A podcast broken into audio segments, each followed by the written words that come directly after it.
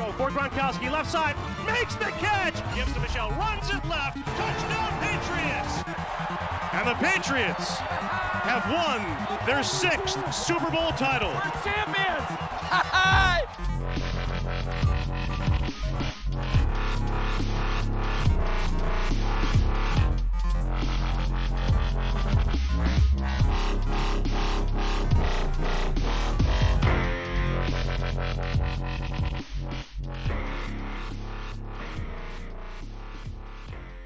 Sziasztok Patriots rajongók, ez itt a THPFC Podcast 84. hatása. Egy, több mint egy év után visszatértünk, és ezúttal Kenit és engem Inkrét hallgattok a, a podcastben, aminek során az elmúlt hetek eseményeit fogjuk kivesézni, különös tekintettel a nemrégiben lezajlott Free Agency-re, ami ugyan még tart, viszont a, a nagyobb nevek már elkeltek, úgyhogy úgy gondoltuk, hogy itt több mint egy év után hozunk nektek egy egy újabb podcastet. Szia Kenny, mi történt veled az elmúlt egy évben, hogy vagy? Sziasztok, én is köszöntök mindenkit. Hát ez az egy év technikai leállás, ez nekem is azért hosszú volt. A csapatnak is nehézkes, nehezen éltük meg, de visszatértünk, és lehet, hogy ez kell a csapatnak, hogy újra visszataláljon a győztes szériához, hogy elinduljon a podcast. Szerintem ezt várta Belicek is, és innentől kezdve csak felfelé vezet majd az út. Hát reméljük, hogy így lesz, hogy az utolsó adás a tavalyi Titans elleni playoff vereség után készült, úgyhogy azóta, azóta nem hallhatatok tőlünk podcastet. Most visszatértünk, és igyekszünk majd hasonló színvonalon folytatni az adásokat, és ahogy Ken is mondja, reméljük, hogy ez majd a, a csapatra, is, csapatra is jótékony hatással lesz. Már csak annak, vagy amiatt is, mert bizony nagyon izgalmas off-szezon elején vagyunk túl, hiszen soha nem látott akciókat hajtott végre Bill Belichick, szerintem lehet ezt nyugodtan mondani. Az egész csapat, vagy az egész Patriotsra gondolt filozófia egy kicsit a, a kukába került, de majd megpróbálunk rávilágítani arra is, hogy, hogy miért nincs ez azért teljesen így, hiszen a, a, attól eltekintve, hogy jelentősen átalakult a csapat, és bizony volt nagy jövés-menés, a, legfontosabb játékosok azért maradtak, és ez pedig alapját adhatja annak, hogy a következő szezon az jobban sikerüljön, mint az előző, már csak azért is, mert a maradók mellett bizony sok érkező is van, és ezek közül pedig jó néhány olyan játékos van, aki, aki már nem ismeretlen Foxboróban, úgyhogy így fogunk majd szépen sorban végigmenni. Először a podcast első részében a, a távozókról beszélünk, azokról, akik, akikkel nem hosszabbított a csapat, illetve, illetve olyanoktól, akik főleg a fizetési sapkában több helyet foglaltak, mint amennyit Bill Belichick nekik gondolt, vagy amit azt gondolt, hogy érnek, úgyhogy velük fogunk elkezdeni. Így az elején gyorsan végigmegyek a neveken, aztán majd egy picit részletesebben is bele merülünk ezekbe. Távozott Adam Butler a defensive a Dolphinshoz, Joe Tooney, hát hogy is mondjam, a Patriotsos támadófal leginkább jobban teljesítő alakja is a Kansas City Chiefshez igazolt, ő rekordszerződést kapott, sokak kedvence, én azt hiszem mondhatom így, Patrick Chang szögre akasztotta a sisakot, és így ugye mivel tavalyi opt így, így ő már még gyakorlatilag még egy évet kihagyott, de, de pályán már nem láttuk. Marcus Cannon is távozott, ő egy trade keretein belül a Houston Texanshoz került, illetve mellettük voltak még olyan jó munkás emberek, én így szoktam őket hívni, akik talán nem minden szurkolónak a, a szívecsücske, vagy nem vágja a kapásból mindenki mondjuk a messzámát, illetve az elmúlt évek statisztikáit, de egy nagyon fontos játékosai voltak ők is ennek a rendszernek. Ilyen volt Dante Moncrief, aki a visszahordásoknál jeleskedett leginkább, Terence Brooks, akinek a a tavalyi szezonja azért csendesebbre sikerült, és Kai Dagger draftolásával ő, ő háttérbe szorult, a szezon második felében már ennél az inaktívak között szerepelt. Brandon Copeland is távozott, az Atlanta Falconshoz igazolt, illetve két olyan játékostól is megvált a, a Patriots, akik nem léptek pályára uh, tavaly Patriots mezben. Ilyen a defensive tackle Bo Allen, aki a Tampa Bay Buccaneers-től érkezett, de egy uh, sajnálatos sérülés keresztül húzta az egész szezonját, és, és nem tudott bemutatkozni, valamint Mark Lee, aki Patrick Chunkhoz hasonlóan a tavalyi, illetve a jelenleg is tartó Covid helyzet miatt opt-outolt, úgyhogy ő sem, ő sem szerepelt Patriots mezben tétmeccsen, és a Titan Ryan Izzo pedig már a free agency nagy, nagy részének lezajlása után a Houston Texanshoz került. Kenny, neked ki fáj, vagy kinek a, a hiánya lesz leginkább fájó szerinted az elkövetkező években a Patriotsnál? Támadófal mindenképpen egyértelműen túlni a legnagyobb veszteség, de ő kevésbé volt meglepő. Ami nekem fáj, vagy nem annyira értem, hogy Canont elengedtük, és az én szemben eléggé apró pénz volt, amit, amit érte kaptunk, hiszen ugyanazok körökben csak helyet cseréltünk a, a Texans-szal, úgyhogy ők ketten nagyon, de mondom ebből Túni tényleg nem meglepő, mert úgy teljesített, hogy előre lehetett látni, hogy ő bankot robbant, és azt általában nem nálunk szokták csinálni a játékosok. Illetve Chang visszavonulása mondjuk úgy, hogy benne volt a levegőbe, esélyes volt erre. Igen, de amikor, amikor véglegessé vált, azért az is olyan volt, hogy köszönjük szépen, köszönjük szépen, de azért még megnéztük volna Patriots mezben, hogy miket tud letenni az asztalra. Ők hárman nekem nagyon, ebből egyértelműen túlni lesz a, a legnagyobb hatással a, a csapat teljesítményére. Igen, én is így gondolom, egyébként egyetértek veled. Nekem egy túlinál egy pici kis kérdőjel vagy csillag majd oda kerül a, nevem mellé, és ezt én már több fórumon hangoztattam is, hogy na, attól függetlenül, hogy tényleg Joe Toon egy remek támadófal játékos, és szerintem liga szinten top 3 guard jelenleg, vagy top 5, de, de top 5 biztosan. Egy picit ilyen kétkedve fogom figyelni a játékát, hogy nem vagyok benne biztos, hogy a, a Chiefs helyében én egy offenzív gárdnak ennyi pénzt adtam volna.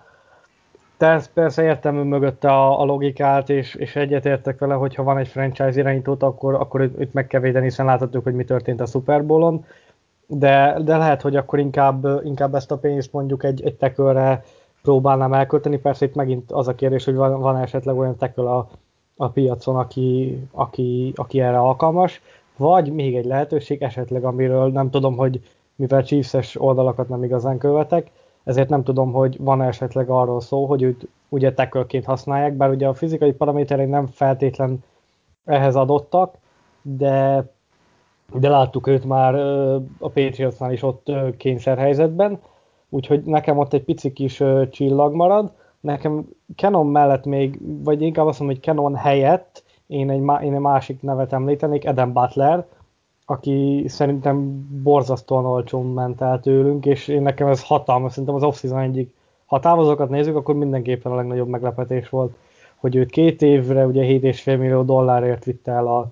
a Miami Dolphins, és hogy egy ilyen típusú pass jellegű defensive tackle nem próbál meg Belicek meg, megtartani, vagy nem tudott megtartani, inkább így mondom, mert biztos, hogy próbálkoztak ez nekem furcsa, illetve ami még furcsa, hogy Tunival voltak tárgyalások. Tehát az egész tavalyi szezon úgy gyakorlatilag arról volt, vagy a tavalyi szezonban arról lehetett hallani, hogy igen, ott van a franchise tag, de, de nem igazán vannak hosszú távú elképzelések, nem igazán találkoznak az elképzelések, és aztán a, mielőtt kinyit volna a piac, mielőtt aláírt Tuni a Chiefshez, akkor jöttek a hírek, hogy hát a Patriots mégis megpróbálja megtartani, aztán persze ebből nem lett semmi, de de nekem ez meglepő volt, hogy, hogy így a végén azt mondta, a, azt mondta Bill Belichick, hogy jó, hát akkor próbáljuk meg mégis. Pénz lett volna rá, nyilván akkor nem lett volna ennyi érkező, ez kétségtelen, de nekem ez meglepő volt, hogy tavaly nem igazán hallottunk tárgyalásról híreket, idén pedig, idén pedig úgy tűnt, hogy akár mégis maradt, de mondom még egyszer, aztán ebből nem lett, nem lett semmi. Térjünk át akkor a, az, azokra a játékosokra, akik itt maradtak a, a Newlandnél, és itt azért már egy, egy picit, uh, igen, mondja nyugodtan. Egy pillanatra hadd szagítsalak félbe. Egyrészt uh, az, hogy hozzánk mi jut el, nem tudod, hogy hónapok óta mentem erre a tárgyalás uh, Tuni és a Patriots között, az, hogy mi az utolsó pillanatban kaptunk róla hírt, az egy dolog, én nem hiszem, hogy egy ekkora szervezetnél, egy ilyen játékosnál itt tudom én március 1 jutott volna eszébe valakinek, hogy ez a túli gyerek, ez lehet, hogy el fog menni. Tehát lehet, hogy régebb óta volt, csak tavaly még annyira messze voltak egymástól a, a számok, hogy nem, nem igazán lehetett tárgyalásnak kategorizálni azt a beszélgetést, illetve ha még a távozók, és már említetted az opt is, meg hogy a Covid helyzet nem úgy tűnik, hogy idén márciusban jobb lenne, mint tavaly, és ugye ez rányomta az opt-outokkal a bélyegét a tavalyi szezonra. Mi a személyes tipped? Ezt meg fogja tartani a liga, és a következő liga évre, tehát a 21. szeptemberében induló mérkőzésekből is lesz lehetőség kihátrálni a játékosoknak? Mert az minket ugye súlyosan érinthet a folytatásra is. Ez egy jó kérdés, ez nyilván majd sokban fog függeni attól, hogy milyen lesz a, az Egyesült Államokban is, meg világszerte is a, a helyzet, bár ugye az NFL nézik, akkor gyakorlatilag csak az, az Egyesült Államokat kell nézni. Én azt gondolom, hogy ha, ha nem javul drasztikusan a helyzet,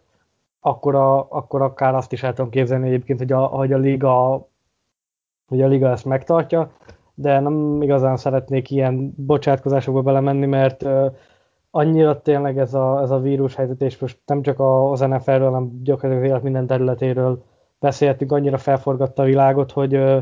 hogy nagyon nehéz gyakorlatilag egy hétre, vagy egy, vagy egy hétre, mondjuk egy hónapra előre látni. Ugye mindenki most csak a saját példánkat mondjuk, az volt, hogy hú, karácsony, jó, valahogy túléljük, de akkor tavaszra már akár jó lehet a helyzet, és most meg ott tartunk, hogy hogy elvileg ennél is rosszabb a helyzet, úgyhogy ez, ez majd nagy, nagyban fog függeni attól, hogy, hogy mi, mi lesz tényleg augusztus, július-augusztus táján a, a szituáció, de hogyha mondjuk hasonló ö, lesz, mint, mint mondjuk a tavalyi szezonban, vagy most, akkor én abszolút el tudom képzelni, hogy ezt, ezt föntartja a, a liga, és, és meg lesz megint a játékosoknak a lehetősége az, az opt-outolásra. Na, akkor ö, térjünk át a, azokra a játékosokra, akik, akik maradtak a New Englandnél. Szerintem itt, itt nem fogom felsorolni az egyeket, vagy az mindegyiket, hanem majd egyesével úgy, úgy, úgy ugrálunk, mert itt azért csak picit fontosabb a maradóknak a, a névsora, mint azok, akik, akik elmentek. Kezdjük talán a, a legfontosabbal, vagy a legnagyobb hírrel, hogy,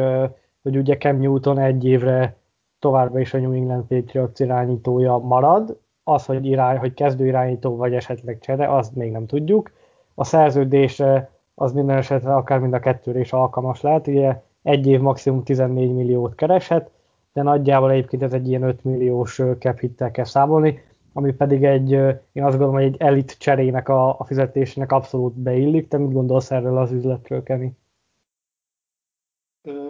Amikor megláttam, hogy visszaszerződtettük, nem voltam töretlenül boldog, látva a tavalyi évet. Ezen felül, amikor megláttam a szerződés első értékét, hogy 14 millió, akkor nagyon csúnyán fogtam a fejemet. De ahogy mondod, a szerződés úgy van struktúrálva, hogy ha játszik és jól csinálja, akkor kap egy kezdőfizetést. Ha találunk valakit, és nem jól játszik, vagy nem játszik, akkor viszont a fizetése ezzel arányos lesz. Ami fizetés szempontból jó, csapat teljesítmény szempontjából viszont nagyon kellene még valaki. Ahogy a, még az adáson kívül beszéltük, Mariota szerződését átstruktúrálta, úgyhogy ő kiesett a potenciális jelöltek közül. Lehet, hogy sokan nem fognak szeretni, de szerintem Garoppolo, az még, Garoppolo még erősen célkeresztben van, és ő lehet az, az aki érkezhet, és hát, hogy el tudja venni a kezdőt Newtontól, vagy nem, az meg már ugye a edzőtáborokban fog kiderülni, hogyha lesznek olyanok. Én jobban örülnék, ha valakit találnánk még Newton helyett, és ő neki csak a backup szerződése valósulna megfizetés terén. Igen, ezt egyébként ezt több helyen is olvastam, több általam is nagyra tartott szakértőtől, hogy, hogy igazából még senki nem tudja, hogy most, hogy most ezzel mi a terv. Tehát ez pont egy olyan szerződés, hogy gyakorlatilag lehet A és lehet B is. Lehet az is, hogy Newtonnal játszatjuk végig az évet, és mondjuk megkeres 10 millió dollárt, vagy 8-at, de az is lehet, hogy 5 millióért fog ülni a padon. Én a 14 milliót nyilván annyira nem látom még, hogy örülnék is neki, hiszen ugye a Super Bowl MVP cím, meg Super Bowl győzelem, meg minden, ami ezzel jár. Tehát annak örülnék, mondjuk ha, ha azt mondja nekem most valaki, hogy Newton 14 milliót fog jövő vagy idén keresni, akkor nagyobb boldog vagyok, mert akkor azt jelenti, hogy megnyertük a 2022-es Super Bowl-t. De, de én sem gondolom Aláírom. egyébként. Tehát, hogy, hogy ez, ez, ez, ez, így ezt ki lehet jelenteni. Ami, ami miatt egy picit én, hát hogy is mondjam, szkeptikusabb vagyok ezzel a dolggal kapcsolatban. Nagyon sok olyan cikket olvastam külföldi a honlapokon, ami, ami Newtonnak az egészségével kapcsolatos, hogy, hogy oké, okay, hogy volt tavaly ez a Covid, de hogy, hogy tényleg csak amiatt romlott le, mert utána látványosan leromlott a teljesítménye. Tehát én nekem Newton egyébként semmi bajom nincsen, nem a kedvenc játékosom, de nem is, nem is utálom, tehát én abszolút ilyen, hogy is mondjam, ha jól játszik, akkor örülök neki, ha nem, akkor meg látom a hibáit, tehát nem, nem vagyok fel egyáltalán elfogult. Én azt gondolom, hogy az a szerződés, amit kötött, az egy nagyon jó üzlet a csapat szempontjából, hiszen gyakorlatilag ö, olcsón ülhet a padon, és azért nem sok olyan csapat van a ligában, aki egy esetleges kezdőirányító, és most tegyük fel, akkor nem Newton a kezdőirányító jövőre, egy esetleges kezdőirányító sérülés után ö, be tud állítani egy olyan ö, játékost a padról, akinek igenis van tapasztalata a rendszerben, a ligában, nem egy vagy két évet ült a padon, és újoncként került oda, tehát nem egy-két éve van a ligában. Én szerintem ez egy hatalmas fegyvertény, és akármennyire is Newtonnak a teljesítménye tavaly gyenge volt, nem gondolom azt, hogy, hogy nála sokkal jobb opció lett volna, padra biztosan nem. Kezdő irányítóban sem vagyok biztos, hogyha azt nézzük, hogy a free agency-ről kellett volna hozni, akkor nem biztos, hogy mondjuk egy, egy Mariota jobb, jobban játszott volna, mint Newton. Lehet, de én nem gondolom azt, hogy nagyon sokkal másabb lett volna, vagy másabb lenne akkor a, a leányzó fekvése.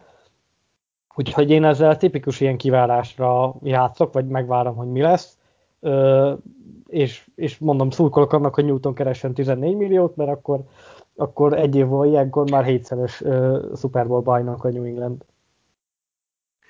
Őszintén megmondva, a tavaly, amikor érkezett, akkor én nem uh, voltam kibékülve a személyével sem. Uh, ez nagyon-nagyon sokat változott a, az év során, tehát ha nem is volt jó a játék minősége, attól függetlenül, mint, mint csapatkapitány, mint a csapat vezére, az interjúk és cikkek alapján, ami átjött hozzánk, az alapján megtette azt, amit meg kell tenni, és személyiségben egészen mást hozott, mint amit én feltételeztem róla, és az, itt nagyon-nagyon pozitívat csalódtam benne, úgyhogy az, az nálam egy, egy hatalmas fejlődés, vagy inkább félreismertem a, a játékost, és éppen azért másképp álltam hozzá. Tehát bennem sincsen semmi negatív a személyét illetően, pusztán a tavalyi teljesítmény az nem az volt, amit a Patriots irányítójától elvárnánk. Volt a Covid, amit tudtunk, nagyon kevés cikkben és kevés forrásból én olvastam egy nyaksérülést is, hogy tulajdonképpen, ha jól emlékszem, talán balra nem tudta forgatni a fejét.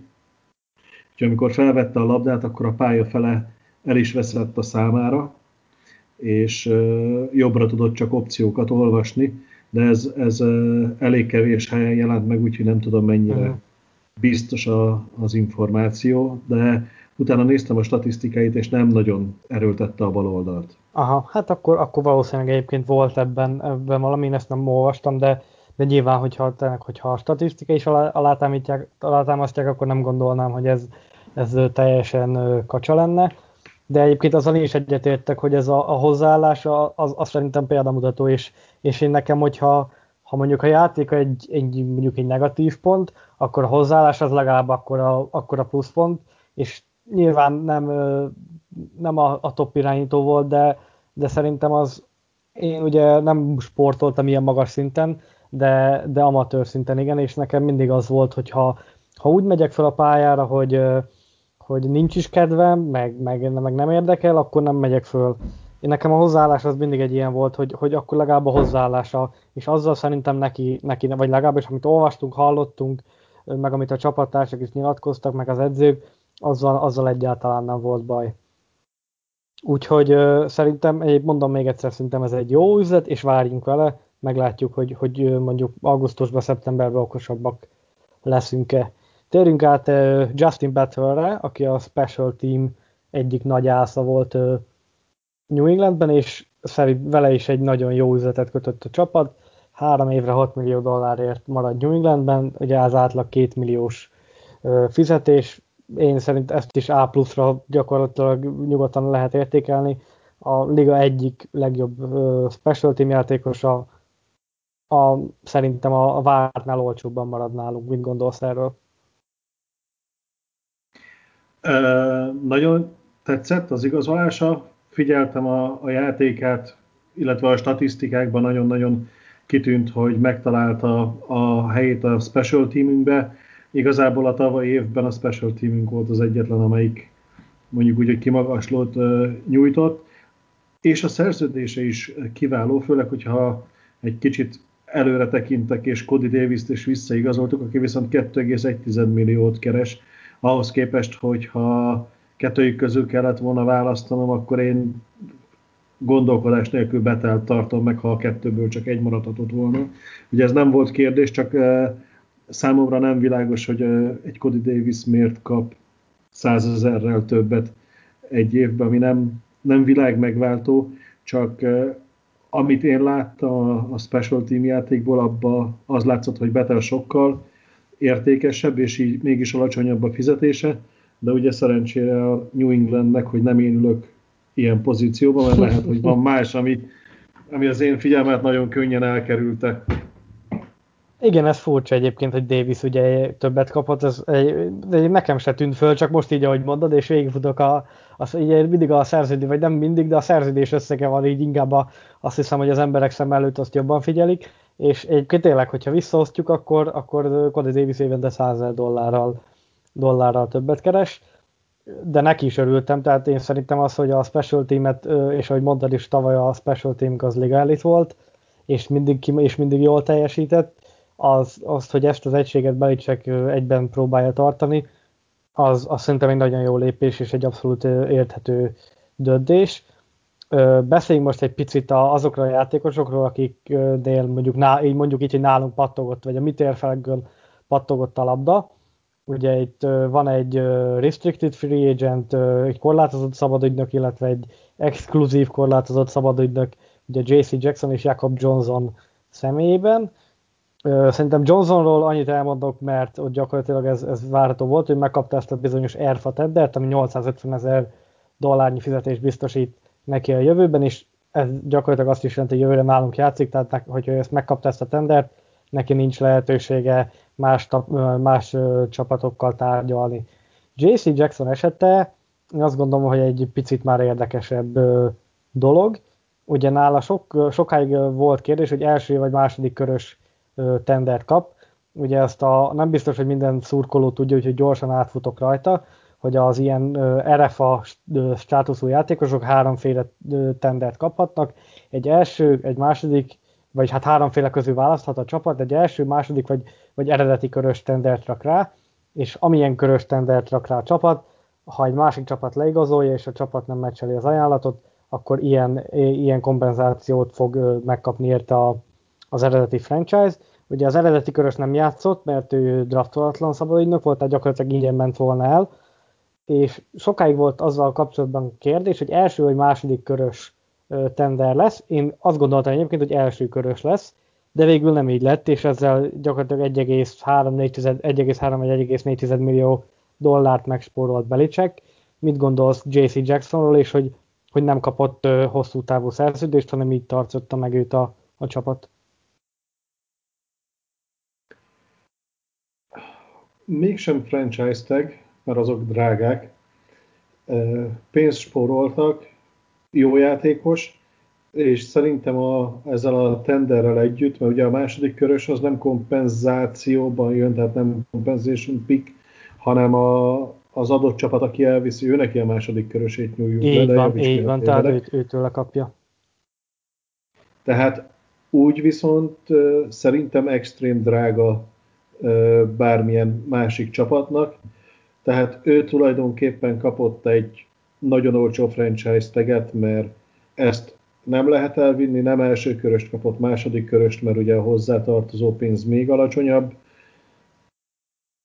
Örülök, hogy itt van, örülök, hogy marad, szerintem második körért nem fogják elvinni. Ö, igen, nekem egy picit ö, ilyen furcsa volt, és próbáltam mögötte keresni a logikát, és két okot is találtam, vagy, vagy úgy gondolom, hogy lehet az oka, úgyhogy majd erről szeretném kikérni a véleményét, hogy ezt mennyire látod reálisnak. Az egyik az az, hogy azért rakott rá ugye második köröst, hogy egy picit spóroljunk, és ugye mivel kevés helye van idén a csapatoknak a, a sapka alatt, ezért, ezért úgy volt vele, hogy ennyit tud még spórolni, szerintem valószínűleg valaki elviszi. A másik pedig, hogy ha elsőkörös tender kapott volna, akkor nem biztos, hogy, a, hogy az, bár most nincs még róla hír, hogy más csapattal lenne tárgyalásban JC Jackson, de ha első körös tender rakna rá, akkor valószínűleg a csapatok nem is vennék föl vele kapcsolatot, mert azt mondanák, hogy nem fogok idehozni egy cornerbacket top fizetésért, úgyhogy még a mellé az első körös pikkemet is elveszítem. Viszont akár azt mondom, hogy egy top corner, meg egy második körös pick még, még akár benne is lehet, és ezáltal hagyja Jacksonnak Belicek, hogy felmérje az árát a piacon, és ezáltal ő is könnyebben mozog, illetve megvan a játékosnak az, hogy hogy figyelj, hát én, én kiengedtelek idézőjelbe a piacra, meg ezt nagyon, ugye nagyon szeretik a játékosok, hogyha tárgyalhatnak más csapatokkal, és megtudhatják, hogy, hogy mennyi az értékük. Mit gondolsz erről? Megtudhatják, hogy mennyi az értékük, Beli csak akkor meg is mondta, hogy mennyi az értéke. Akár Mert igen, hogy, ö, akár igen. Tehát ez üzenet, hogy barátom, te nem érsz első kört. De hát most én nem néztem utána a top corner fizetéseknek, de gondolom, hogy legalább 10-12 millió per év, tehát ennek a harmada, negyede az, amit ő, ő így elvihet haza. Tehát nagyjából a tenderrel már beárasztuk, hiszen hogyha ha superstar lenne, akkor megkapta volna a franchise teget. Egyel alatta az első köröset, és a második körössel is biztosra veszük legalábbis most így biketten, hogy itt fog maradni nálunk, mert nem fogják érte megadni a második kört. Úgyhogy ha attól boldog, hogy tárgyalhat és megtudhatja az értékét, az maximum egy visszaigazolás, mert az értékét nagyjából a csapat megmondta. Uh-huh. Annyiban nem vagyok biztos, de, de mondom, ez csak ilyen nagyon lábjegyzet, hogy ö, franchise teget is kaphatott volna abban nem vagyok biztos, hogy, a, hogy ezek a játékosok kaphatnak franchise-teket, de, de igen, egyébként, ahogy mondod, valószínűleg Belicek megmondta neki, vagy, vagy Belicek be, beáraszta nagyjából, és, és úgy volt vele, hogy, hogy, hogy ennyit nem ér, vagy, vagy annyit nem ér, hogy jelenleg hosszabbítson vele, hanem ha ilyen olcsó meg tudja tartani. Egyébként ezt jó üzletnek gondolom már csak azért is, mert, mert én ezt leírtam már többször a honlapon is, hogy én még Jacksonnak nem mernék nagy szerződést adni. Nem azért, mert nem jó játékos, hanem azért, mert első számú corner fizetést, amit szerintem ő vár, és egyébként van is benne a ráció, mert ha nem tőlünk máshol megkapja, én még azt, azt nem adnám neki oda, még, én még egy évet mindenképpen várnék vele. Úgyhogy uh, szerintem ez is egyébként ez egy érthető döntés. Teljesen jó, mert kapott még egy évet bizonyítani, hogyha konstans tudja hozni a jó eredményeket. Lehet esélye nagy fizetésre, zárója valószínűleg nem nálunk, illetve ha most megkapott volna egy 4-5 éves hosszabbítást, annak a, az aláírási bónuszának a nagy része az meg az idei évben csapódik le. Tehát a, igazából ő azt az üzenetet kapta, hogy jövőre tudunk neked fizetni. Valószínűleg igen, egyébként ez is benne van. Meg meglátjuk, hogy a következő szezonja milyen lesz, és hogy, hogy jövőre, kap, az, jövőre ugye kaphat még franchise-teket, bár azt, azt kétlem, hogy megkapná, hanem valószínűleg akkor jövőre majd odállhat a, a pénztárhoz, hogy akkor valaki, valaki fizessen. Két Igen, játékos... Hát, hogy kinek a pénztára lesz, az, az kérdéses. Igen, hát az majd, az majd eldől a, az ügynökével, meg, meg, meg azokkal a csapatokkal, akik, akikkel tárgyal. A végére fogom hagyni azt a játékost, aki szerintem így mindenkinek a, a, a, a nagy kedvence lett most, meg, meg szerintem már az elmúlt években is, úgyhogy előtte még mondok két nevet, Carl Davis a védőfalba veterán minimumért ér vissza, illetve a nekem nagyon nagy meglepetés szezont okozó Nick Falk, ugye a tavalyi rugó, aki egy évre nagyjából másfél millió dollárért írt alá, ő tennéne azért jóval többre taksáltam, valószínűleg nem biztos, hogy olyan ajánlatokat kapott a piacon, ami, ami, ami neki tetszett, és, és ezért visszatért, ami már csak azért is furcsa, mert ugye rajta kívül van még két rugó a rosteren, ugye Aguayo, aki négy-öt évvel ezelőtt volt a, a Buccaneers második körös pikke, és egy hatalmas nagy bust lett belőle, ha azt így lehet mondani, illetve ott van a tavaly ötödik körben draftolt Justin Rohrwasser, aki hát most lehet, hogy ő még egy évet, vagy, vagy megy a gyakorló csapatba, de szerintem fog, hogyha úgy fog teljesíteni a, az edzőtáborban, mint tavaly, akkor nem igazán lehet tőle elvenni ezt a, ezt a kezdőrugó posztot. És mindezt másfél millióért. Hatalmas pénz, forintba is fájna, de ugye nem azon a szinten mozgunk most, hogy a másfél millió egyébként apró pénz egy jó rugóért, és tavaly megint csak, amikor leigazoltuk, hogy ő lesz a, a rugónk, akkor szörnyen éreztem magam, hogy ja Istenem, mi lesz velünk. Aztán bebizonyította, hogy hát most hadd nem mondjam meg fejből, de talán két-három rontott rugása volt, és azok is ilyen elfogadható távolságokról, tehát bőven az átlag fölött teljesített. Másfél millióért ajándékba van vissza. Így van, én is azt gondolom. Talán azt hiszem három, három rontott rugása volt, de nem mennék rá meg, és az biztos, hogy kevés. Tehát, hogy hogy jóval kevesebb annál, mint mondjuk egy másfél milliós rugótól az ember számítana. Na, és akkor térjünk ki a, a legnagyobb maradóra, ha, ha lehet így mondani, David Andrews, aki hát volt róla mindenféle hír, hogy marad, aztán Ted Karras érkezése után elhangzott az, hogy akkor ő, ő neki nem lesz maradás a Foxboróban, és aztán jött a hír, hogy négy évre mindössze 19 millió dollárért, ugye ez nagyjából gyakorlatilag év, év ilyen 5 millió körül, de még az alatt 4,75 millióért mm, marad, marad a New Englandben. Gyakorlatilag a piacon, hát nem, ha ennek nem is a, a kétszeresét, de mondjuk, de mondjuk 8, 8 millió dollárt nyugodtan, évi 8 millió dollárt nyugodtan kaphatott volna. Ennek ellenére ő úgy döntött, hogy, hogy marad annál a csapatnál, ahonnan elkezdte az NFL karrierjét. Nekem ez volt a, az idei off-seasonnak az, az egyik ilyen legnagyobb sztoria eddig, és, és tényleg mikor olvastam, a, hogy mennyiért írt alá, akkor így borsótot találtam, hogy Jézusom, vannak még ilyen játékosok, akik, akik, akiknél tényleg számít a, a csapat hűség, és most nem akarok belemenni más játékosokba, hanem csak az, hogy tényleg ez, ez, ez, ez elképesztő, hogy, hogy Andrews ilyen olcsó, mert ez, ez tényleg azt mondom, hogy bagóért maradt. Teljesen egyetértek, mivel podcast és nem videokonferencia nem láthattad, hogy amikor a nevét soroltad, az öklöm a magasba volt, én rettentően örültem a, a hírnek. Az összes statisztikában látszott, hogyha ő a fal közepén ott volt, ő nem egy, inkább másfél embernek számít teljesítményre, mert középen annyira stabilizálja a falat, hogy a két szélnek nem kell befelé figyelnie olyan erővel, és egyszerűen tudnak a szélekre koncentrálni. A hatalmas igazolás, illetve a hozzáállását, ahogy mondod, mutatja. Le is nyilatkozta, hogy ennél voltak pénzben sokkal jobb ajánlatai, de ő hazafi szeretett volna maradni, úgyhogy a 19 millióból is valahogy majd zsíros kenyérre összekuporgatja a négy évbe. Így van, úgyhogy uh, szerintem akkor mondhatjuk, hogy mind a kettőnknek a, a leginkább fontos maradó, ezt szerintem ki lehet jelenteni. Ö, igen. Jó, a, marad, a maradók közül egyértelműen, illetve meg fogsz lepődni, de a fullbackünk, én tudom, hogy nem annyira fontos, kategóriák, nem annyira fontos, mint Andrews szerződése, de Develint az előttjét is szerettem, aztán amikor ő megsérült, meg visszavonult, és helyette jött Johnson, őnek is tetszik a játék, a fizikális focit játszik, nagyon örülök, hogy még egy évig láthatom a csapatban.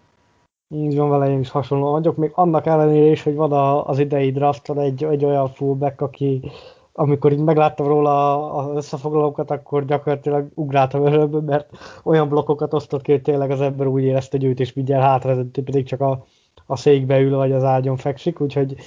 rá majd figyelek, de, de ez majd egy későbbi téma lesz, egy későbbi podcast témája. Úgyhogy, de Johnson is abszolút, tehát ugye ő európai játékos, egy ilyen, hát nem csereprogram, de gyakorlatilag annak fogható fel, aminek a keretében érkezett New Englandbe, és, és megharcolt a helyéért, és, és, és ott is van. Úgyhogy, úgyhogy tényleg ő, ő is fontos, és egyébként tavaly jól, jól is játszott annak ellenére, hogy tényleg a fullback az, az gyakorlatilag kikopóban van a, a, a ligából. Térjünk át akkor a, az érkezőkre, hiszen belőlük is van jó néhány játékos. Kezdjük a, a, talán az elsővel, a, így időrendben haladva. Trent Brown, aki annó a San Francisco 49ers-től érkezett a New Englandbe, nyert egy Super Bowl-t, ugye az 53. Super Bowl-on lett győztes a, a csapattal, majd egy hatalmas szerződést írt alá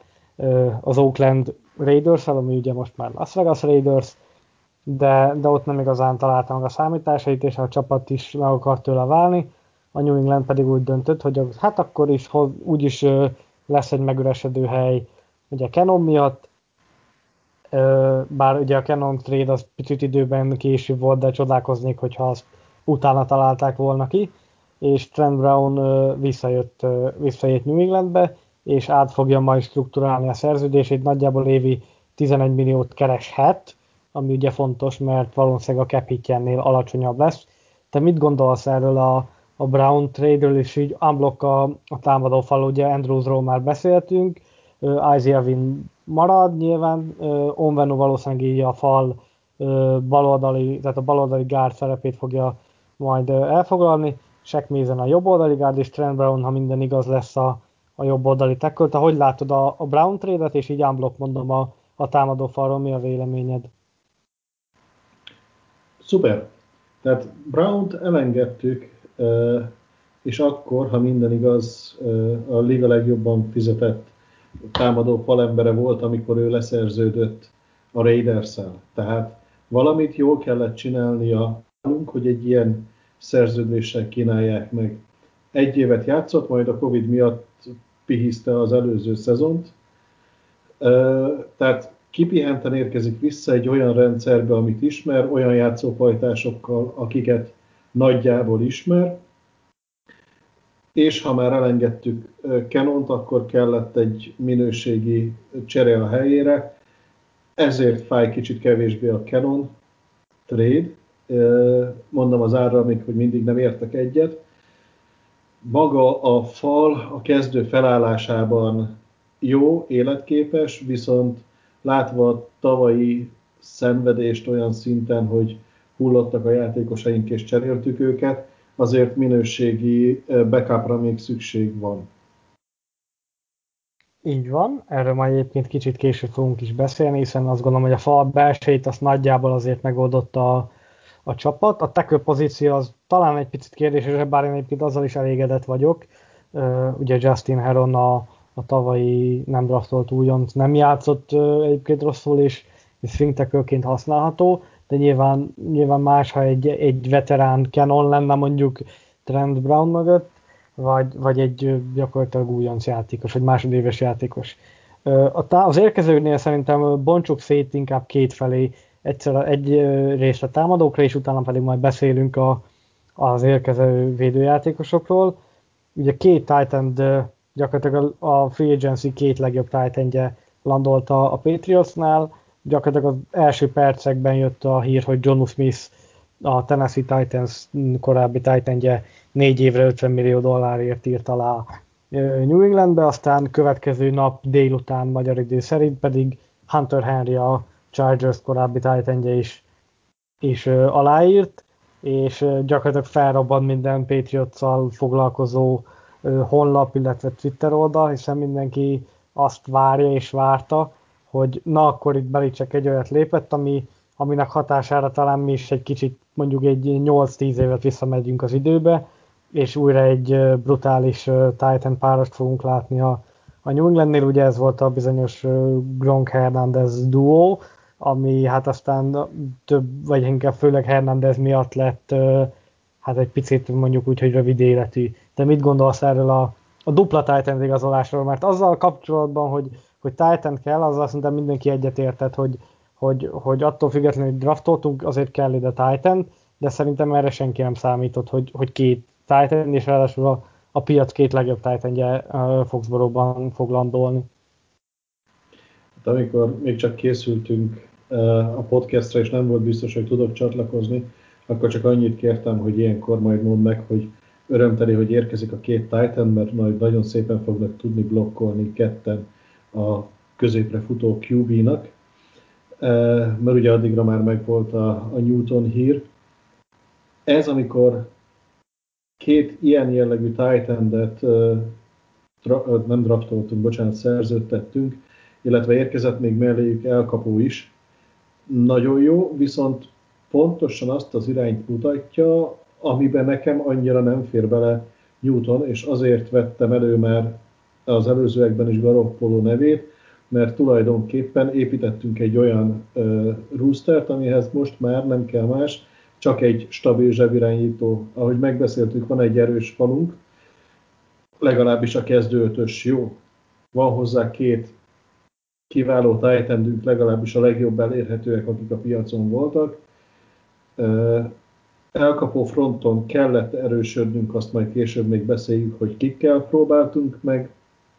erősíteni, úgyhogy én úgy látom, hogy egy erősen passzoló irányító hiányzik még, ahogy az amerikai vagy az angol mondja így sherry on top az egészre, mert, mert tényleg már csak fel kell tenni a, a korona ékszer, de a QB a legfontosabb e, elem, mert hogyha én állok oda dobálni, akkor ők lehetnek akármilyen jó elkapók, hogyha ha nincs. Illetve ugye végignéztem a fiúknak az adatait, 2018-as szezonban látszik, hogy nem játszott Henry egyetlen e, mérkőzést sem. Tudod, hogy milyen sérüléssel volt? Térsérülése volt, azt hiszem, akkor szakadt el az ACL-je egész pontosan akkor volt ACL szakadása, tehát tökéletesen illik a Patriots rendszerébe, hiszen senkit nem igazolunk le, aki legalább egyszer nem tépte el a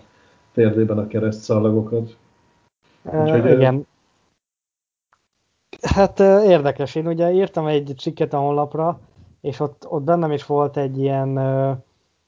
hát hogy is, vagy gondolkoztam inkább úgy mondom, hogy abban biztos voltam, hogy hozok titan de hogy Henry vagy Smith úgy voltam hogy inkább Smith, mert őt talán olcsóbban is meg lehet szerezni egy évi két-három millióval akár, mint Henryt. Ez képest nagyjából gyakorlatilag ugyanannyira írtak alá. Henry egy picit drágább volt, viszont Smith meg ugye hosszabb távon, de ezt én egyébként egyáltalán nem gondoltam volna, hogy két tájt. Még az, hogy két tájt igazolunk, ha hozunk egy első számút, meg esetleg mögé valakit a a, hogy is, vagy mondjuk egy Kai Rudolfot elhozunk, aki ilyen veteránként, és akkor egy picit mentor szerepbe uh, Asiasinak, Kimnek, uh, az, azt még akár el tudtam volna képzelni, de hogy két top, vagy a, két, a piac két top titan azt, azt egyáltalán nem. És ugye Henrynél pedig ugye ez a sérülékenység, ami, hát amit reméljük, hogy majd nálunk le fog vetkőzni. Most azt kérdezem tőled, hogyha a szerződések, ugye ismerjük már mind a két játékosnak a szerződését, meg a korlapját, statisztikáit, szerinted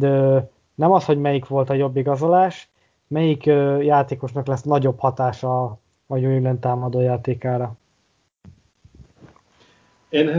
Henry szavazok. Uh-huh. És ez lehet, hogy azért van, mert Smithnek a játékát kevésbé ismerem, ezt töredelmesen bevallom, de én sokkal-sokkal inkább felkaptam a fejemet, amikor megláttam ezt a, az igazolást. Ha már Henrynél megemlítettem egy e, vicces részt, akkor e, Smithnél ugye a NFL-esek alapvető problémája, hogy jogi problémáik e, vannak, és itt a barátnőjével volt egy incidense, nem tudom, hogy azt olvasta, de viszont nem. meg nem, nem, erről Viszont nem hallottam. Meg még, még a college időben, viszont az igazán vicces az egészben, hogy utána a hölgyet akarták elítélni, mert Smith volt végül a szenvedőfél. a, a leírások alapján egy egész lábos forró vizet öntött szerencsétlen játékosra. Tehát amikor itt néztem, hogy mit lehet róla tudni, és megláttam, hogy legal issues, tehát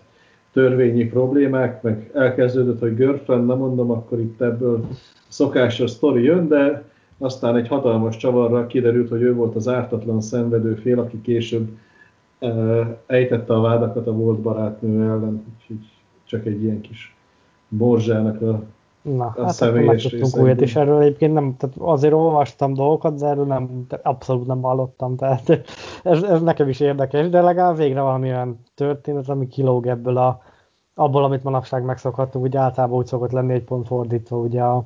a játékos tesz valami a, a barátnővel, a feleségével, ami, ami, nem, ami nem odaillő, úgyhogy ez érdekes, ez, ez mindenképpen. Térjünk át akkor a, az elkapókra, hiszen belőlük is érkezett kettő egész pontosan. Egy mélységi célpont ugyanez a Nagolor személyében, szintén a, a Raiders-től, két évre 26 vagy 22 millió ki, hogy látja, 22 millió, amit úgy reálisan megkapott, és az ösztönzőkkel ez az összeg felrúghat ugye 26 millió dollárra, illetve egy ilyen, hát hogy is mondjam, inkább egy ilyen mozgékonyabb típusú line of scrimmage-en többet mozgó, illetve a mögött egy picit endaroundokhoz is, is nagyon jól használható Kendrick Bourne, aki a 49ers-től érkezett, és ő három évre jött alá, nála is ez a szám, ez 15 millió, illetve 22,5 millió dollár között mozog. Személyesen nekem inkább Born szerződése az, ami, ami jobban tetszik, már csak azért is, mert én nagyon szeretem az ilyen Born típusú játékosokat, a, a piacon az egyik kedvenc, vagy inkább lehet azt mondom, hogy a kedvenc wide receiverem, ugye Curtis Samuel is, és azért hasonló, hasonló játékos, már mint ami a játékstílust illeti, hogy mind a levegőben, tehát passzok útján meg lehet találni, de, de lábon is, is elég veszélyes játékosnak mondható. Én Agolornál egy picit a túlfizetést érzem, és nagyon remélem, hogy rám fog cáfolni, de, de én jelenleg azt, a, azt az üzletet annyira nem tartom jónak. Ott nekem azért vannak még, vannak Agolorral kapcsolatban aggályom, annak ellenére, hogy tavaly egyébként nem volt rossz egyáltalán a, a Raidersben, de, de nekem Born szerződése jobban tetszik, Agolorra várnék, nem, nem, nem vagyok benne biztos, hogy, hogy a megfelelő áron sikerült egy ilyen típusú játékost szerezni, nem tudom, hogy te hogy látod a két játékost. Megleptél, nagyon-nagyon megleptél, mert általában nem szokott ekkora különbség lenni a, a nézeteink között, de ha azt veszik, hogy 2020-ban 3-3,2 milliót keresett Born, most pedig e, tulajdonképpen 5 fölött fog, tehát a minimum lesz az 5 e, egy évre, akkor ő az, akinek másfél-kétszeres fizetést adnak ahhoz képest, amit, amit eddig letett a, az asztalra, ugye úgy, hogy életében volt összesen 11 touchdownja. Nekem ez, ez sokkal inkább meglepő, mint a másik oldal.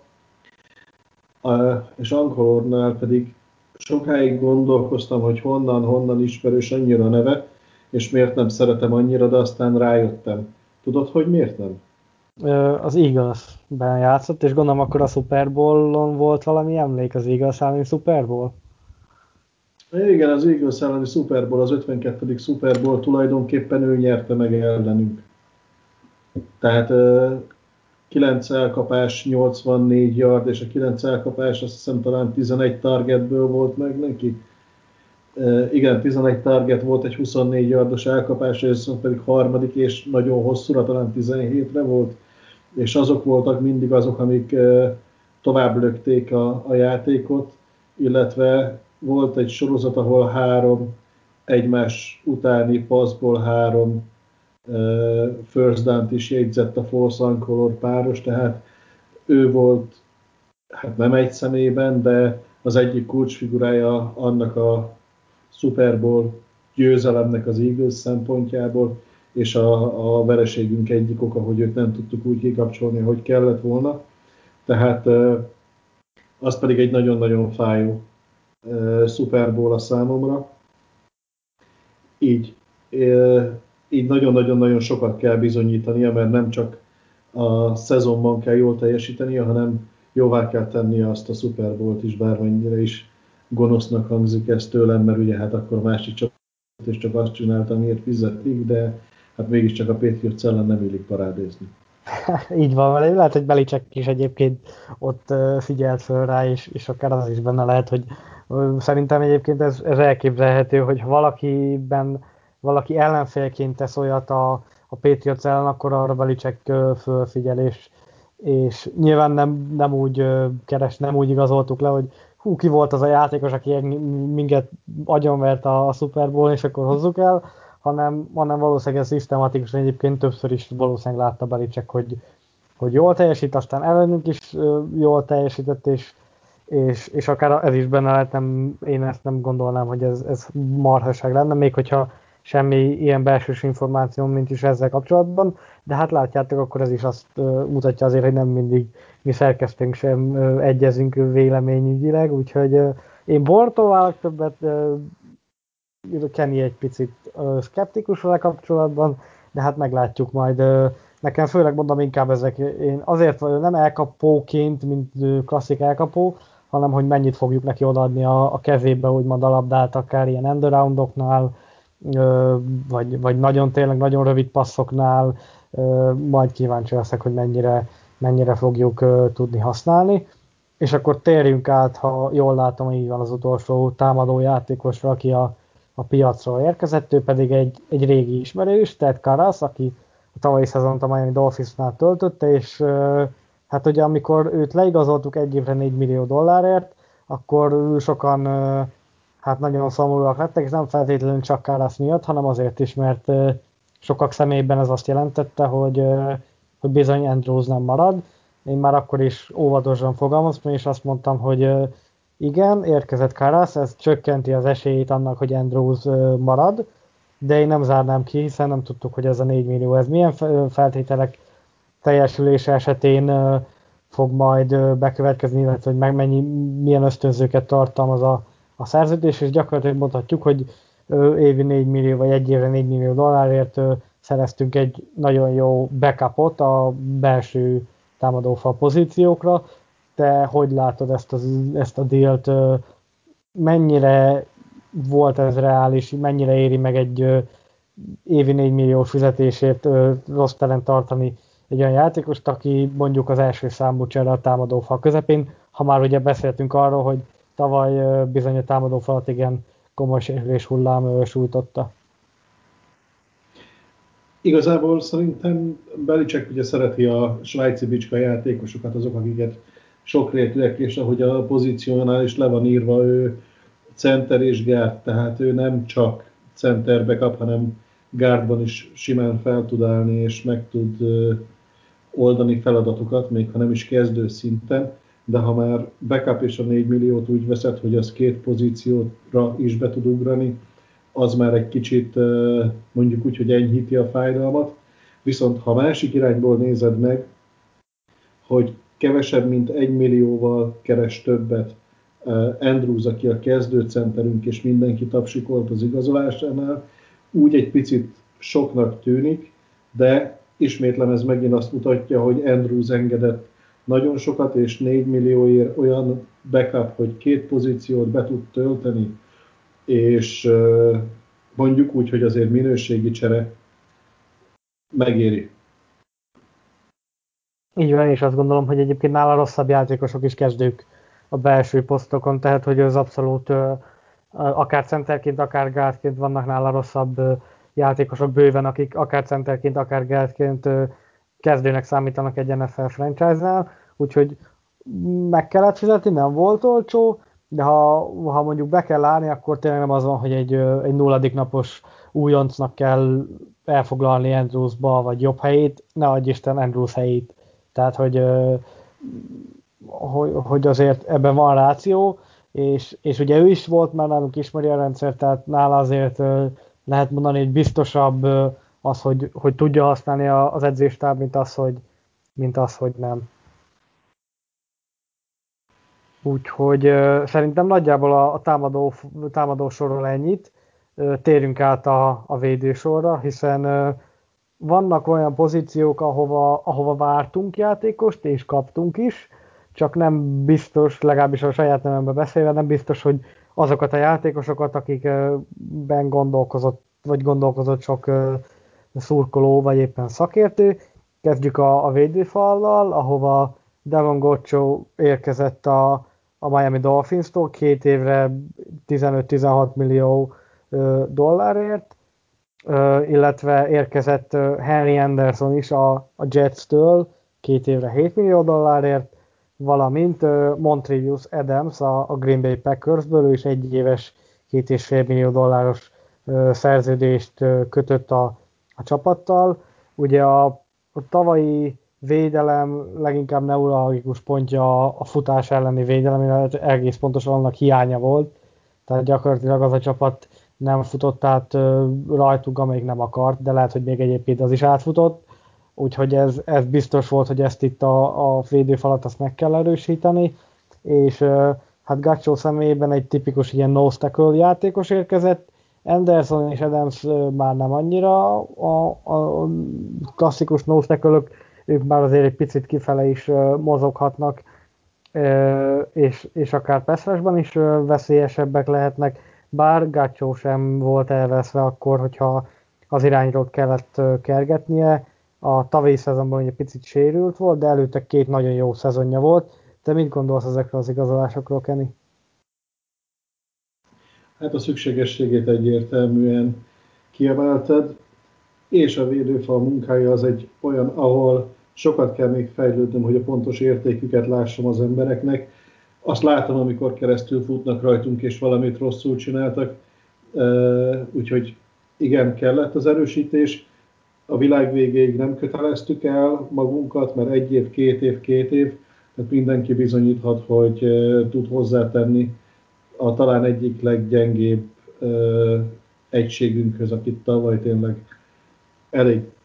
erőteljesen keresztül jártak rajtuk. Nem tudom, én, én nekem volt egy olyan érzésem, hogy Belicek gájjal, akiről majd fogunk még később beszélni, hatalmasat fogott annó 2017-ben, ugye amikor érkezett, és, és ugye ez be is igaz, én már azt akkor éreztem, hogy ez egy, ez egy ilyen tipikus Patriots dél, hogy, hogy igen, ez a szürkébb játékos nem is nagyon tudja az ember, hogy ő most, most igazából hol fog játszani, most Peszrásban jobb, vagy futás ellen, és aztán, és aztán bevált, mert tényleg, tényleg nagyon jól játszott éveken keresztül. Én most valamiért ezt Harry Andersonnál érzem, ugye aki a Jester érkezett, hogy, hogy ő is egy, egy ilyen hasonló járhat be, mint Guy. Valamiért nála van egy ilyen érzésem, hogy, hogy, hogy ő belőle lehet egy, egy nagyon jó játékos. Nem tudom, te neked van-e ilyen érzésed bármelyik felsorolt játékossal kapcsolatban, hogy így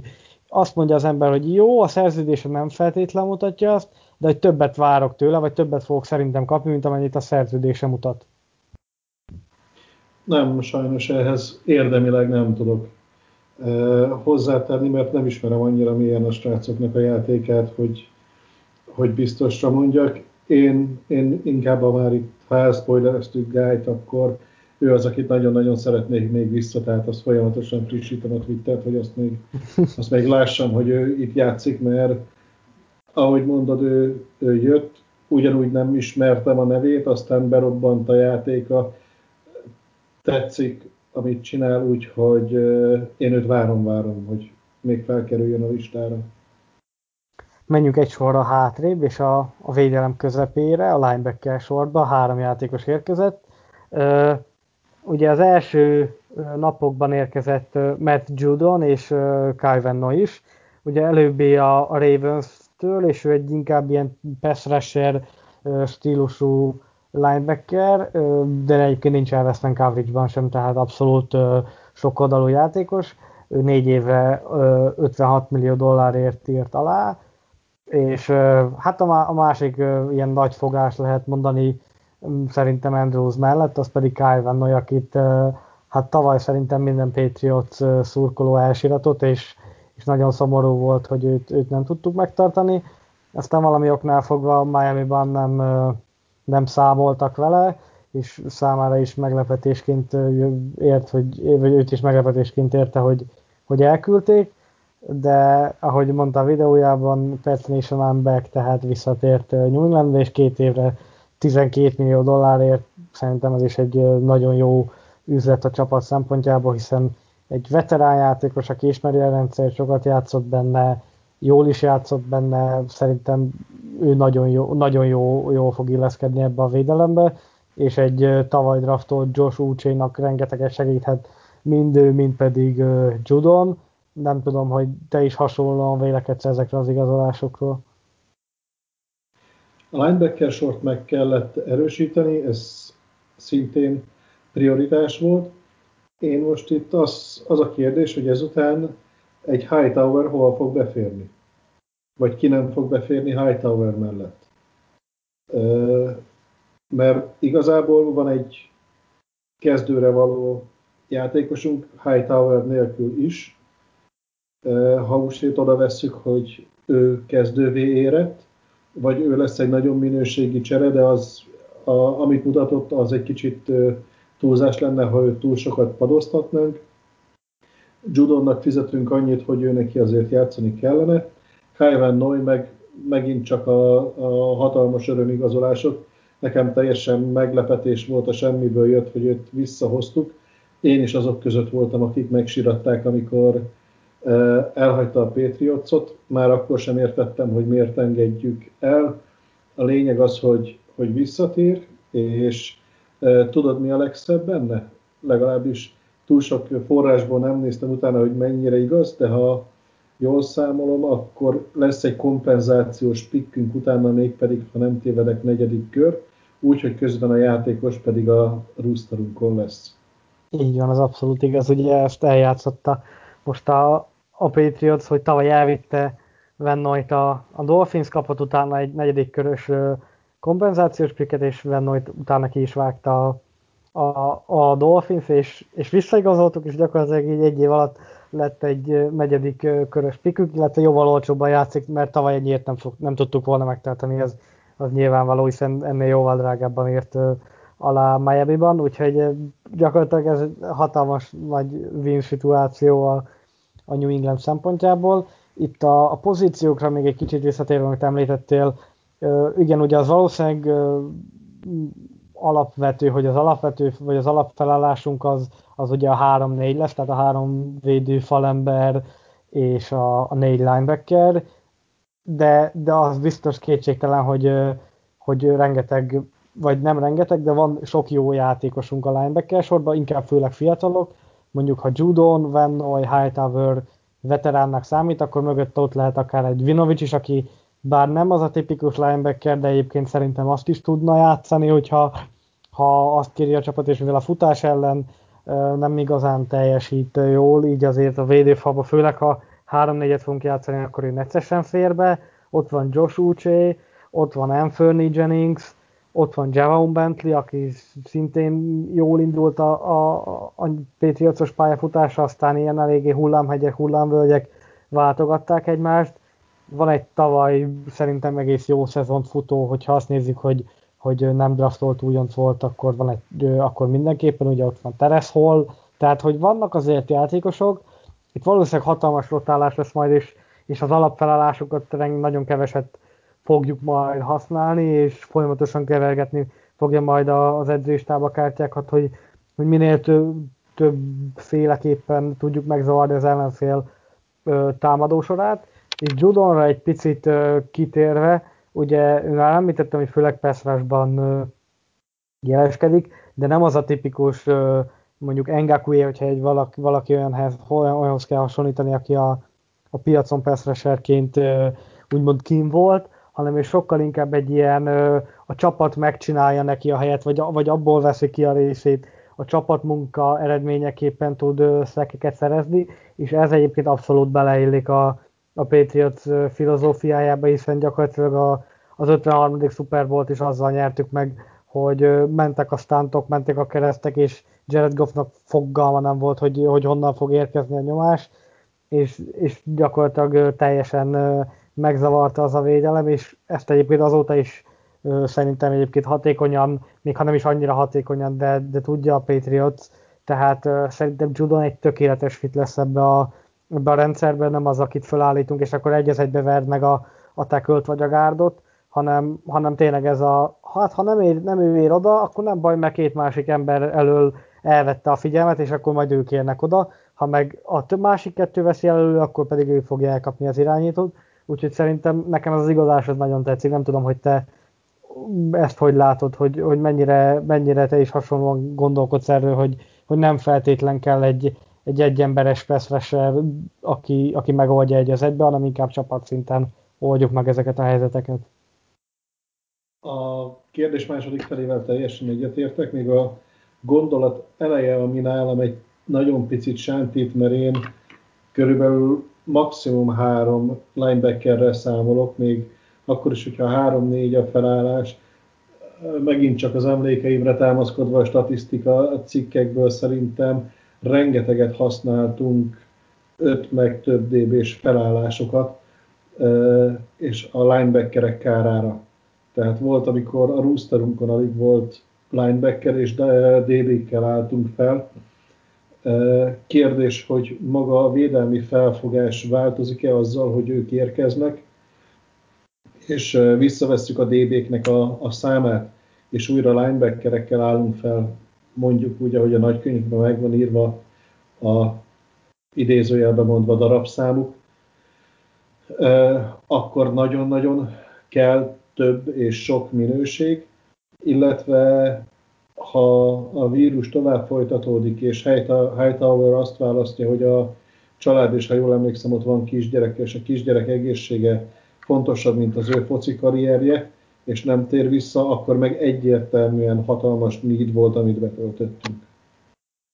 Így van, úgyhogy ezt, ezt majd figyelni fogjuk, hogy, hogy hogy alakul a szezon, és majd a, a statisztikai cikkekben erről ugye nyilván majd bővebben is olvashattok, hogy hogy, hogy alakul a, a, a linebackerek snapjeinek száma. Még egy embert kihagytam a linebacker sorból, bár ő inkább szerintem ilyen, ilyen edzőtáborba érkezett, és akkor ott majd megküzdhet a helyekért. Ő Rekvan McMillan, aki egyébként egy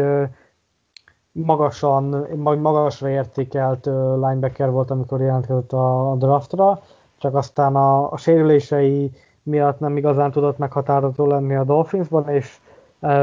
el is ment a, a Raidersbe, ahonnan mi most leigazoltuk egy évre, gyakorlatilag szerintem ő is egy ilyen tipikus, jöjjön el, megnézzük, hogy mit tud. A tehetség egyébként megvan, tehát nem véletlenül volt ő annó második körös játékos, de, de nem vagyok benne biztos, hogy főleg így, hogy ennyire tele töltöttük, és illetve, hogy említettem is, hogy azért van jó néhány olyan linebacker, aki, aki bizony használható és ismeri a rendszerünket és játszott benne, nem vagyok benne biztos, hogy neki azért olyan nagy esélye van jelenleg arra, hogy, hogy bekerüljön az 53-as keretbe, de hát ott van nyilván a, a rossz terem, meglátjuk, hogy az esély megvan neki, meglátjuk, hogy, hogy tud esetleg élni vele, és akkor a végére pedig hagytuk a, az idei év talán svájci, lehet mondani svájci bicskáját, Jalen Mills, akit én itt magamnak csak defensive backként írtam föl, hiszen nem lehet róla egyértelműen megmondani, hogy ő most cornerback, safety, ha safety, akkor free safety vagy strong safety, be tud mozogni akár a slot corner pozíciójába is, de akár, mint tavaly láthattuk Adrian Phillips-et, akár ilyen linebackerbe is, hogyha nagyon elkönnyíti a védelmet a, a csapat, akkor akár a linebacker posztot is meg tudja oldani. Ő négy évre 24 millió dollárért írt alá és ő is a, vagy ő a Philadelphia Eagles-től érkezett. Annó nem igazán értettem ezt a, ezt a dílt, mert úgy voltam vele, hogy ott van Phillips, ott van Dagger, ott van McCourty, ott van Chang, ugye akkor ő még ott volt, főleg ezért nem értettem, de így utólag, hogy megtudtuk, hogy Patrick Chang visszavonult, és nyilván ez neki nem egy ilyen légből kapott ötlet volt, hogy egyik este kitalálta, és akkor másik reggel, vagy másnap reggel visszavonult, így már abszolút érthető, és ráadásul ez a szerződés úgy van kialakítva, hogy gyakorlatilag két éves, és két év után mindig van opciója a csapatnak megújítani ezt a, ezt a szerződést, úgyhogy szerintem Mills egyébként egy korrekt játékos, nem mondom azt, hogy Changnak egy az egybe át tudja venni a, a szerepét, mert azért szerintem annál gyengébb képességű játékos, de az mindenképpen mellett az, hogy rendkívül sok oldalú, amit pedig Belicek ugye, mint tudjuk, nagyon szeret. A érkezésének egyik részét megválaszoltad, ugye Chang és Brooks is távozik, a, illetve az én általam felvetett dolgot, hogy sokat játszunk négynél több DB-vel, és hogyha van egy svájci bicskád,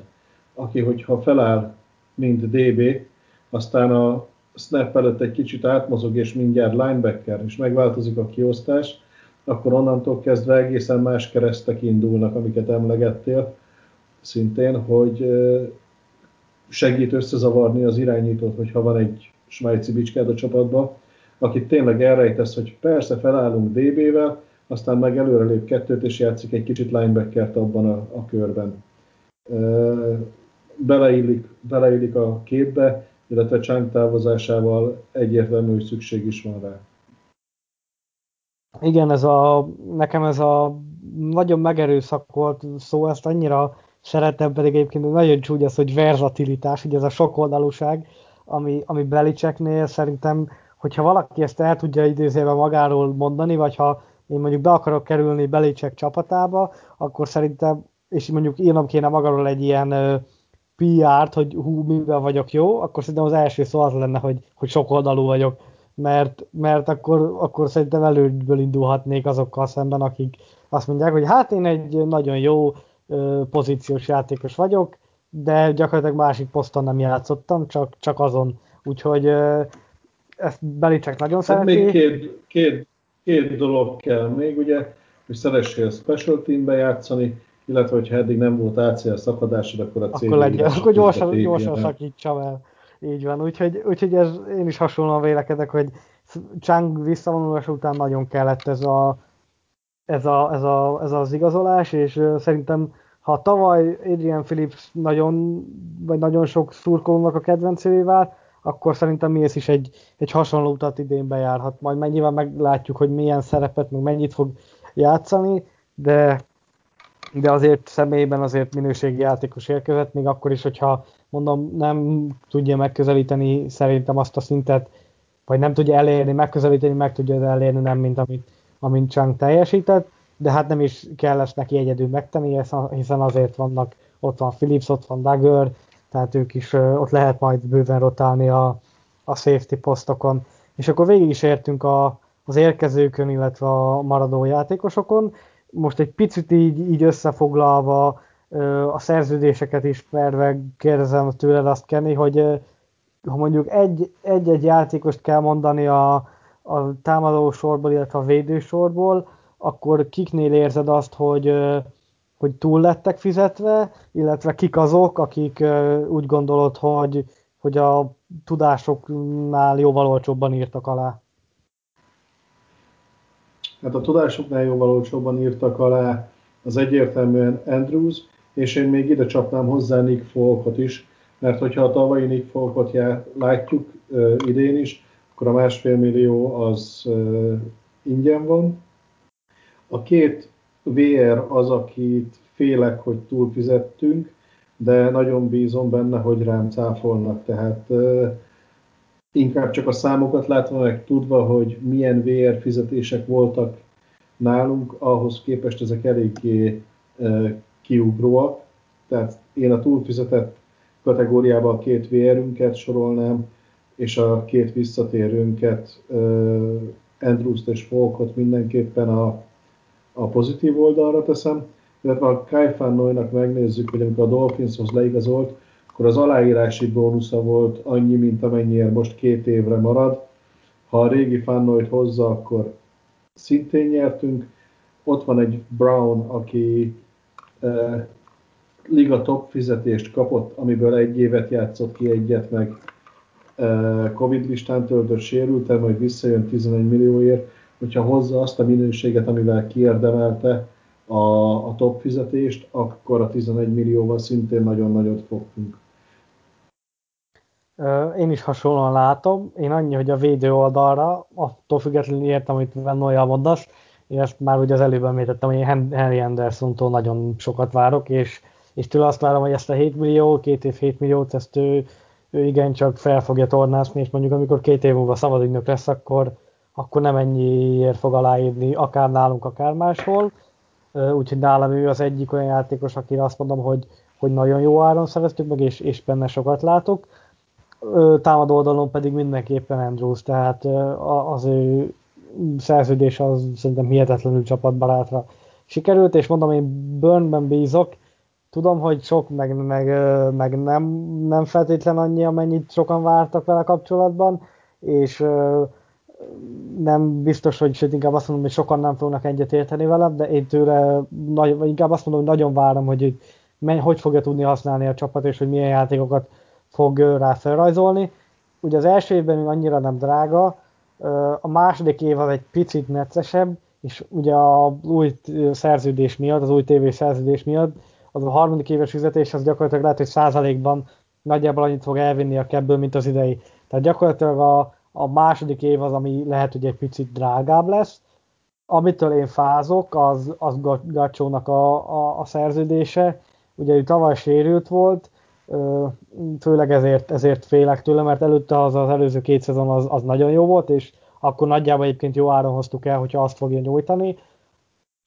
Nem tudom, tőle egy picit tartok, illetve Agolor nekem főleg azért, mert ismerve a piacnak, a, vagy, azon, vagy azokat a tényezőket, amik, amik befolyásolták az idei elkapó piacot, és hogy mennyire olcsón kellettek a VR-ek a, a csapatoknak, szerintem őt, őt túl hamar fizet. Tehát, hogy lehet, hogyha őt az elejét nem próbáljuk meg, meg megszerezni, akkor, akkor olcsóbban is eljött volna, sőt ebben biztos vagyok, hiszen Galadei kapott 4 évre 72 milliót, ami ugye 18 milliós átlag, Curtis Samuel 11 milliót kapott, ami nekem egy picit szívfájdalom, mert nekem egy nagyon nagy kedvencem volt, úgyhogy nekem így Agolor egy, egy picit sok, de mondom, vagy száfoljon rám és bizonyítsa be, hogy megéri ezt a, ezt a pénzt, illetve még egy nevet hozok föl, most, jött, most jutott eszembe, akit én beírtam a, a hozzánk a saját cikkemben, ő pedig Shelby Harris, aki 10 millió dollár, vagy 9 millió dollárért írt alá Denverben három évre. Mondjuk, ha őt hozzuk el Gácsó helyett, akkor, akkor én sokkal boldogabb lennék, vagy lettem volna. Gácsóban van, van kockázat, de ami nagyon tetszik, és ezt így gyakorlatilag az egész free agency-re rá lehet mondani, hogy többségében azért, akik nagy, pénz, nagy pénzért érkeztek, azok vagy fiatalok, és, és tényleg alapkövei lehetnek ennek az épülő csapatnak, vagy, vagy olyan játékosok, akiknek rövid a szerződésük, és viszonylag hamar ki lehet, kifutnak, és ki lehet belőlük szállni, tehát olyan túl nagy kockázatot nem vállalt velük a csapat. És akkor elérkeztünk a, a podcastik utolsó részéhez, ahol egy picit már az előbb fölzettem, olyan játékosokról fogunk beszélgetni, akik, akik, marad, vagy akik kimaradtak a piacon, és, és esetleg reális opciók lehetnek a, a Patriot számára. Itt a, a futóposzttal kezdenék, ahol ugye távozott, vagy legalábbis nincs szerződése jelenleg ugye White-nak és Burkheadnek. Szerződés alatt ugye mindössze J.J. Taylor, Brandon Bolden, Sonny Michel, illetve Damien Harris áll, de, de tipikusan ez a futó, vagy passzjátékban is bevonható futójátékos nincs a, a rosteren, annak ellenére, hogy J.J. Taylor-t azért ki lehet próbálni ebbe a, ebbe a szerepkörbe. Érdekelne azzal a kapcsolatban a véleményük, hogy mennyi esélyt lehet arra, hogy White, vagy Burkhead, vagy mind a kettő esetleg visszatérnek. Ugye white a kapcsolatban főleg a Tampa Bay-ről lehet hallani, Burkheadnek pedig ugye a térszalak szakadása után, hát kíván, vagy kérdés, hogy, hogy ki ad szerződést, te hogy látod az ő helyzetüket? Van négy futónk, van négy jó futónk, Sony is feltámadt a végére, de ahogy mondod, egy fürge elkapó, megint csak jön, én a svájci bicska kifejezést jobban szeretem, mint az általad használtat, mert az nagyon angolból van lehozva. Kettőjük közül tényleg egyet legalább meg kellene tartani,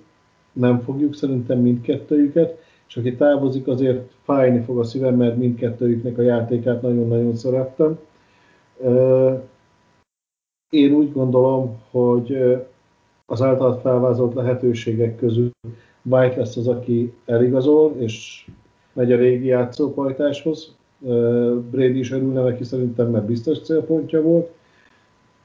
Burkett pedig térsérüléssel van, tehát tulajdonképpen olyan, mintha rátettek volna egy New England plecsnit. Tehát ha van csapat, aki leigazolja ezzel a sérüléssel, azok mi vagyunk, meg még ismerjük is. Úgyhogy ha innen tippelnem kell, akkor White megy, Burkhead marad. Én is hasonlóan látom, főleg azért, mert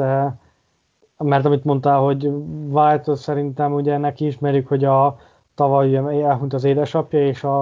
a családja a Floridában él, és nagyon szeretne, vagy nem nagyon szeretne, de szeretne azért közel lenni hozzájuk, és ugye ez Tampa Bay-ben pedig adott, hiszen ugye Tampa Floridában van, úgyhogy én is nála, vagy, vagy akár még a Miami-t is el tudom képzelni, hogy, hogy oda menne, de, de szerintem is akármennyire szeretné, és, és nagyon nagy kedvencem volt, és jelenleg is egyébként az vált, én nagyon szerettem, és szerettem a játékát, nála kevesebb esélyt látok, szerintem itt, itt igazából, és lehet, hogy nem ez van a háttérben, én csak ezt látom mögé, hogy van egy ilyen megállapodás de hogy White-tal megpróbálunk megegyezni, hogyha White dönt, és úgy dönt, hogy, hogy megy, akkor Burkennek két perc múlva csörögni fog a telefonja, hogy figyelj, gyere, mert alá kéne írnod a szerződést, úgyhogy én itt abszolút ezt el tudom képzelni, hogy ők így egymástól is függenek, és én is azt gondolom egyébként, hogy, hogy Burkett, Burkett fog maradni, ugye ő a Houston szakította el a, a, a térdét, ami hú, most így nem nagyjából vagy november közepe környékén lehetett, ha minden igaz, november közepe vége, nagyjából olyan 9 hónapos felépülése számol, nagyjából a szezon elejére lehet mondjuk azt, hogy gyógyult állapotban, az, hogy utána ugye általában ilyen 9-12 hónapot, inkább 9-et szoktak számolni a, a, a visszatérésre a térszalak szakadásnál, úgyhogy akár a szezon kezdetére ő bevethető is lesz, és akkor van még egy játékos, akit már így, így futólag érintettük a, a védőfalnál, ő pedig ugye Lawrence Guy, mondtad, hogy nála ugye pörgeted mindig a, a Twittert, és egyébként nem vagy vele egyedül, mert én is naponta többször rákeresek, hogy milyen hírek vannak vele kapcsolatban, hogy, hogy esetleg visszatérjen. Róla ugye a legutolsó információ az az, hogy akár csak White, ő is Floridában találhat új csapatot magának, hanem nem marad New Englandben, ugyanis volt a Miami-nél viziten, illetve azt most nem tudom, hogy a Tampa Bay-nél is volt, de, de a Tampa is érdeklődik iránta, úgyhogy gyakorlatilag mind a két játékosnál ez a két csapat a versenytársunk. Róla mit gondolsz nála, hogy látod az esélyeket, hogy, hogy visszatérjen? A posztja környékére igazoltunk sokakat, de mondom, ott elfogult vagyok őszintén megmondva, és nagyon szeretném, hogy visszajöjjön. Így nem is biztos, hogy reális az, az amit látok vele kapcsolatban, mert, mert én, én tényleg nagyon szeretném, ha megtartanánk. Igen, én is hasonlóan látom. Nála is az a, azt érzem, hogy, hogy az igazolásokkal csökkent az esélye annak, hogy, hogy marad, ugyanúgy, mint ahogy a Kárász Andrews páros kapcsán de nem zárnám ki abszolút, hogy, mm, hogy, hogy marad, már csak azért sem, mert mind White, mind Guy egyébként el is mondták ezt, több fórumon lenyilatkozták, hogy ők szeretnének New Englandben maradni. Most nyilván ezen lehet vitatkozni, hogy ez mennyire PR duma, vagy, vagy nyilván a csapat képviselőinek nem feltétlen mondana mást az ember, amikor még mondjuk egy-két hét hátra van a szezonból, vagy éppen véget ért a, az alapszakasz de nem gondolnám, hogyha